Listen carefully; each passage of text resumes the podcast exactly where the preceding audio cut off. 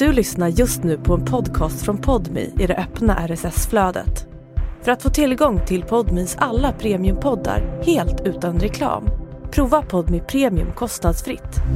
Ladda ner appen i App Store eller Google Play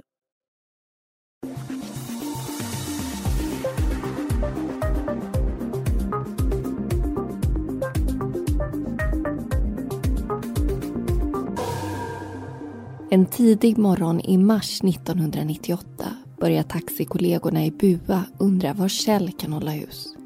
Efter lite efterforskningar får de veta att hans bil har setts till i en skogskant mellan Bua och Veddige. Systern åker dit och hittar till sin förskräckelse sin bror i väldigt dåligt skick. Skadorna är allvarliga och hans liv går inte att rädda.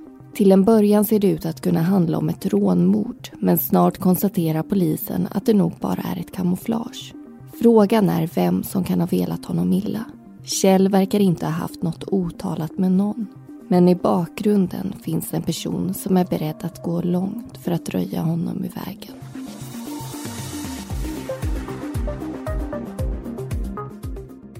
Du lyssnar på Mordpodden, en podcast om den mörka verkligheten. I veckans avsnitt berättar vi om mordet i Bua.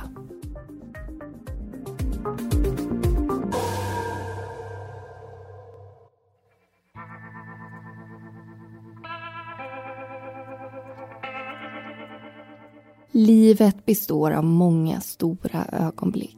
Men att få barn är för många det allra största. Att skapa ett liv och själv bli förälder är en känsla som är svår att sätta ord på. Alla bokstavskombinationer känns så obetydliga i sammanhanget. Det är något euforiskt över det hela.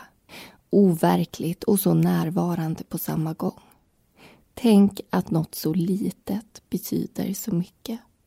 Men föräldraskapet kommer inte bara med glädje, skratt och lycka. I paketet ingår även ansvar, oro och maktlöshet. Från början finns man som förälder där varenda minut håller uppsikt, blåser på skrapade knän, klappar, tröstar, kramar, söver, läser, matar. Men innan man vet ordet av kan barnet äta själv. Somnar om i sin egen säng på natten istället för att smyga in till föräldrarnas. Hämtar plåster i lådan. Säger ifrån till kramar och smiter iväg utan att säga vad den ska. Det kan vara svårt som förälder att stå och se hur kontrollen slinker ur ens händer Samtidigt är det ju ett tecken på att barnet utvecklas till den självständiga individ det faktiskt ska bli. Stoltheten över detta fenomen borde rimligtvis vinna över sorgen för det som i samma ögonblick går förlorat. Men i det här avsnittet ska vi berätta om en mamma som vägrar släppa kontrollen. Det är nämligen allt hon har. Och visst är det bra att stå sina barn nära, men inte för nära. Året är 1998. Mellan Varberg och Kungsbacka ligger den lilla fiskekära orten Bua. Här finns ett familjeägt taxibolag som kommer ha en central roll i det här fallet. Det grundades av föräldrarna men har sedan tagits över av barnen som har en ovanligt fin och nära syskonrelation. En av bröderna heter Kjell och ska snart fylla 31 år. Han har stor kunskap om datorer och har tagit ansvar för den biten samtidigt som han också ofta sitter bakom ratten och tar hand om körningar. Den 12 mars är inget undantag. Runt tio tiden på kvällen säger han hej då till sin fästmö Nathalie som ska gå hem och sova hos sin mamma. Men arbetskvällen fortsätter för Kjell som ska till Göteborg och hämta ett gäng som har varit på hockeymatch. När han slutfört körningen ringer jobbtelefonen. Det är en man som behöver hjälp. Han och en vän är fast i en skogskant mellan Bua och Veddige. Deras bil vägrar starta. Kjell lovar att komma dit och hjälpa till. Morgonen därpå reagerar Kjells kollegor på att han inte är där. Hans syster är inne på kontoret och oron växer sig allt starkare när brodern inte verkar dyka upp. Det går heller inte att få tag i honom. Hon börjar därför efterforska vart han kan tänkas ha tagit vägen. Förhoppningsvis finns det en logisk förklaring till hans frånvaro. Efter lite undersökningar får de reda på att någon har sett en av deras taxibilar stå på en timmerupplagsplats. Systern bestämmer sig för att åka dit. Runt klockan kvart över sju på morgonen är hon framme och ser mycket riktigt bilen som Kjell hade kört kvällen innan. Hon går fram till passagerardörren och öppnar den. Kjell sitter i bilen. Det ser ut som att han sover. Men vid en lite närmare titt upptäcker hon att det kommer blod från hans näsa. Systern springer runt till förarsidan och känner på hans puls men hittar den inte och förstår att hon snabbt måste tillkalla hjälp. Det tar inte ens tio minuter innan ambulans kommer till platsen. En av sjukvårdarna går runt fronten på bilen för att komma till förarsidan. Även hon böjer sig in för att känna efter puls. Den är svag, men den finns där. I samma veva kommer även Kjells fästmö Nathalie till platsen. Hon är också anställd i taxibolaget och var i full färd med att utföra en skolskjuts när nyheten om Kjells försvinnande nådde henne, så hon ändrade snabbt sin rutt. Systern ser att Nathalie stannar bilen, men hindrar henne från att komma fram. Hon ber Nathalie åka vidare och få barnen till skolan istället. Det här är en syn som varken Nathalie eller barnen ska behöva se. Nathalie hinner bara skymta Kjells hand innan hon åker vidare. Hon vet inte vad som har hänt men kan såklart inte låta bli att frukta det allra värsta. Efter att barnen släpps av åker Nathalie hem till sin mamma och berättar att något hemskt inträffat. Ambulanspersonalen hjälps åt att ta ut Kjell ur bilen och kopplar honom till ett EKG. Det ger visst utslag. Men i samband med räddningsarbetet upptäcker de vad som är fel. Han har blivit skjuten i ryggen. Och på sjukhuset kommer den fruktansvärda sanningen att skadorna är så allvarliga att hans liv har gått förlorat. Kjell har alltså blivit mördad.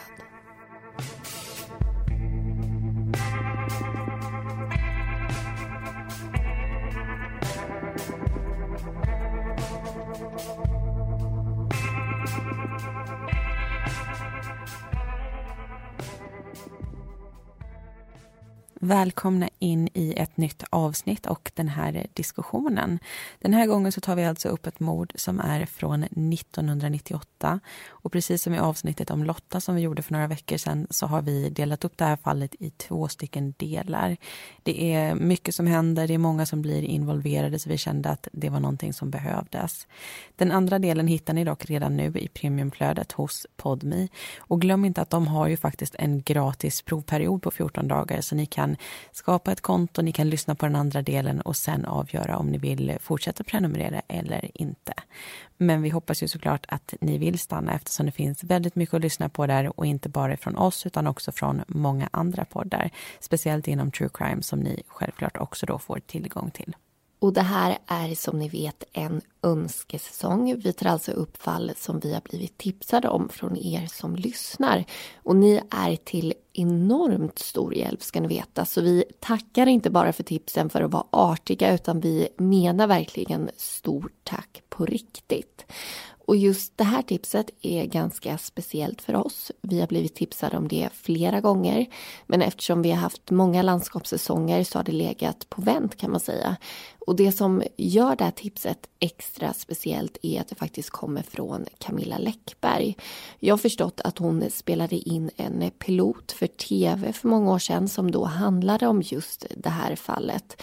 Och jag har ju läst väldigt många av hennes böcker och ser upp till henne både som författare och entreprenör och person. Så det är ganska overkligt att hon lyssnar på oss och kan tycka att något som vi gör är givande för henne. Det betyder såklart väldigt mycket och ger också en del prestationsångest och det är nog kanske också en orsak till att det här fallet har legat lite på vänt. Men efter att ha läst på om Bua-fallet nu så förstår jag verkligen varför hon tycker att det här är så intressant intressant. Ja, intressant och väldigt unikt är nog ord som man kan använda för att beskriva det här fallet. Eh, vi har ju nyligen berättat om Lotta, där hennes pojkvän var oerhört kontrollerande. Innan dess flera fall med liknande utsagor. Det här är ju helt enkelt någonting som återkommer. Och i det här fallet så finns också den här typen av ohälsosamma och giftiga relation men här handlar det ju inte om ett par som det ofta gör, utan det handlar om en mamma och en dotter. Och den här mamman, hon påminner på många sätt och vis om just en kontrollerande partner i sitt beteendemönster. Hon vill hela tiden ha koll på vart hennes dotter ska, vem hon ska träffa, vad de ska göra. Och inte bara för att hon är en beskyddande mamma utan hon vill verkligen ha en betydande roll och hon vill påverka allting som sker gällande just dottern. Hon får till exempel inte flytta hemifrån, hon får inte ta hem kompisar hur hon vill och hon får inte vara tillsammans med vem hon vill heller. Och den här relationen kommer alltså få en avgörande betydelse för fallet och mordet.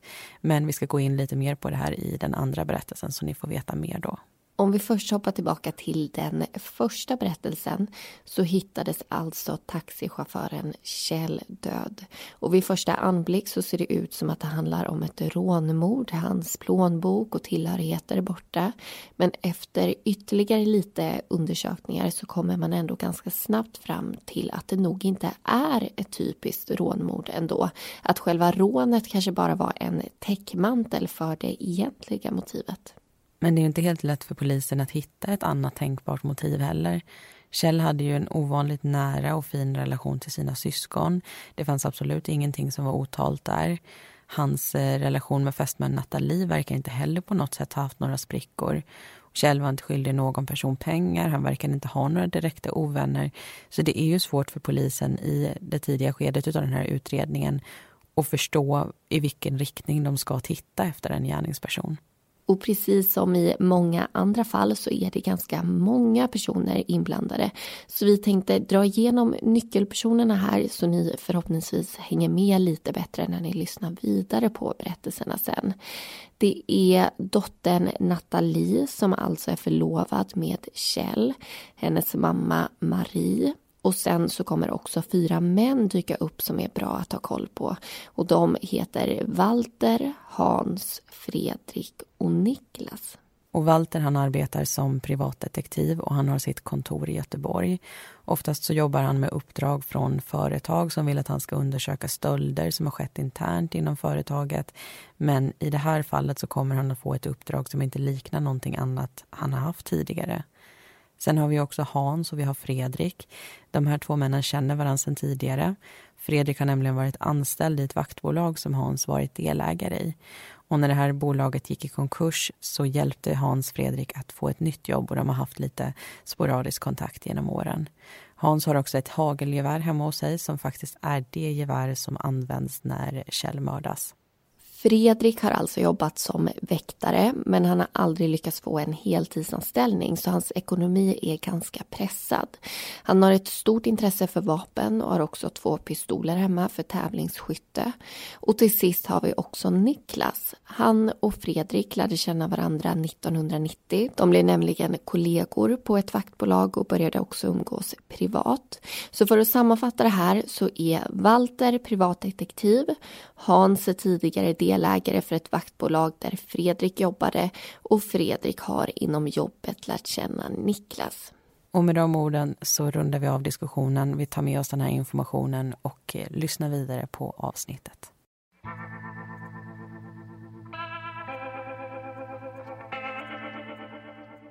–1949 föds Marie i Göteborg. Hon växer upp med sin mamma. I vuxen ålder träffar hon en man som hon gifter sig med och de får också en dotter, Nathalie. Familjen flyttar till Åsa, en ort mellan Varberg och Kungsbacka. Snart återupprepar sig Maries barndom fast den här gången är hon själv mamman som skiljer sig och får ensam vårdnad om barnet. Hon och dottern flyttar runt en hel del och Marie inleder flera olika romanser. Men de slår sig inte riktigt till ro någonstans. Efter några år flyttar de tillbaka till orten Åsa för att Nathalie ska ha nära till sin pappa. Marie börjar jobba som taxichaufför men byter sen bana och skolar om sig till tågmästare. 1994 får dock karriären ett abrupt slut på grund av en kronisk inflammation i muskelfästena i benen. Dottern Nathalie får ta stort ansvar och hjälper sin mamma med det mesta i hemmet. De har en nära relation och kan prata med varandra om precis allting. Men det ligger ändå någonting och skaver. Efterhand som dottern växer och blir äldre blir Marie strängare och allt mer krävande. Hon har synpunkter på vem Nathalie umgås med och om mamman inte är hemma får hon inte lov att ta med sig kompisar hem. Maria är ännu mer fientlig mot dotterns manliga vänner och har aldrig stöttat hennes relationer. När Nathalie antyder att hon vill flytta hemifrån lyckas mamman hindra henne. Hon är väldigt noga med tider och dottern måste alltid berätta vart hon ska och när hon kommer hem igen. Fester är också något som hon gärna vill att Nathalie undviker. Nathalie gör oftast som mamman vill. Men hon känner en missnöjdhet över att hennes vänner har större frihet. Även de gånger hon sätter ner foten och protesterar slutar det oftast med att hon ger med sig och mamman får sin vilja igenom i alla fall. Enligt dottern hotar mamman ibland med att släppa ut Nathalies katter om hon inte lyder. Ibland ljuger dottern för att undvika konflikter. Nathalie skaffar lastbilskörkort vilket innebär att hon också har behörighet att köra taxi precis som hennes mamma har gjort tidigare i yrkeslivet. Marie föreslår att hon ska försöka få jobb på ett taxibolag i Bua. Nathalie tar vara på mammans tips och kontaktar företaget. Under sommaren 1997 får hon sina första körningar. De är ganska få, men efterhand utökas hennes ansvar och arbetsuppgifter. Nathalie får inte bara upp ögonen för jobbet utan även för kollegan Kjell som är ett av syskonen som driver firman. Intresset är besvarat och de inleder en relation. Mamman tycker inte det är en bra idé. Hon påpekar både åldersskillnaden på åtta år och det faktum att Kjell är Nathalies chef. Men Nathalie viftar bort argumenten och tar istället återigen upp önskemålet om eget boende. Marie poängterar även den här gången att det inte är en bra idé. Men Nathalie börjar få nog. Hon vet att mamman har full koll på hennes tjänstgöringslistor och arbetsschema. Men hon kommer på ett sätt att undvika mammans övervakande blick. Nathalie gör dubbla listor. En lista där hon anger den verkliga arbetstiden och en annan som hon visar sin mamma där det ser ut som att hon jobbar mycket mer än vad hon i själva verket gör. Det innebär att Nathalie kan tillbringa tid med Kjell när hon enligt det manipulerade schemat som mamman får befinner sig på jobbet. Men trots den förskönade verklighetsbilden är Marie inte helt nöjd.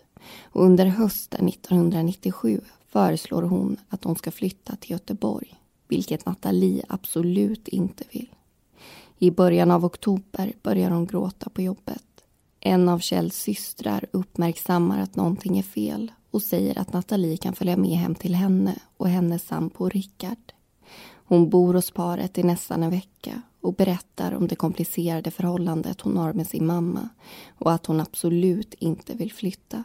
Kjells syster och Rickard vill hjälpa henne och förhoppningsvis reda ut konflikten som verkar uppstått. Rickard följer med Nathalie hem till Marie för att uppmuntra dem att prata ut.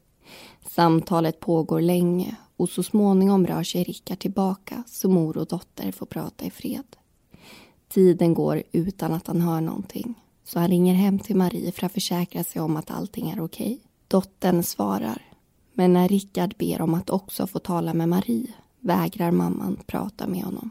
Det lilla förtroendet han byggt upp för Marie rasar och han vill göra allt i sin makt för att hjälpa Nathalie att bryta med sin mamma om det är det hon själv önskar. Ett par dagar senare är Nathalie ledsen igen. Då ordnas ett nytt möte, men Marie går inte att få tag i så det sker utan hennes närvaro. Istället är bland annat Kjell och Nathalies mor och farföräldrar där. Hon berättar att hon inte vill bo kvar hos sin mamma och är rädd för att hon ska tvinga med henne till Göteborg. Enligt Nathalie har hon fått fyra alternativ av sin mamma. Antingen ska hon åka till USA och jobba där som au pair i ett år. Annars kan hon åka till USA på ett kortare besök i några månader. Eller så kan hon också välja att börja plugga i Göteborg. Om hon inte väljer något av de alternativen finns det ett alternativ kvar. Och det är att kontakten mellan mor och dotter bryts. Nathalie väljer det andra alternativet. Att göra en kortare vistelse i USA. Det är i alla fall vad hon säger till sin mamma. Men strax före den planerade resan får hon hjälp av Rickard att avboka sin biljett. Hon håller sig ifrån hemmet tills Marie själv sätter sig på planet. Utan dottern. Nathalie får hjälp att skaffa en egen lägenhet i Bua. Hon berättar inte för sin mamma vart hon har flyttat utan när Marie kommer tillbaka så är dottern och hennes saker bara borta. Men mamman är beredd att ta till drastiska åtgärder för att få reda på var dottern bor. Så hon anlitar en privatdetektiv. Att leta upp Nathalie blir hans första uppdrag. Men sen har Marie ytterligare ett och det går inte ut på att hitta en person. Det går ut på att skada någon.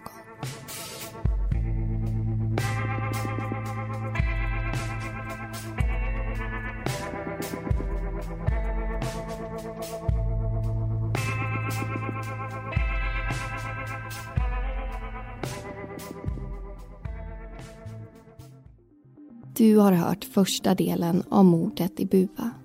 Alla personer förutom Kjell heter egentligen något annat och informationen är hämtad från domarna i fallet och den nordiska kriminalkrönikan från 1999. Den andra delen kan du lyssna på redan nu genom att bli prenumerant hos Podmi. Glöm inte att du kan lyssna gratis i 14 dagar. Hoppas vi hörs där.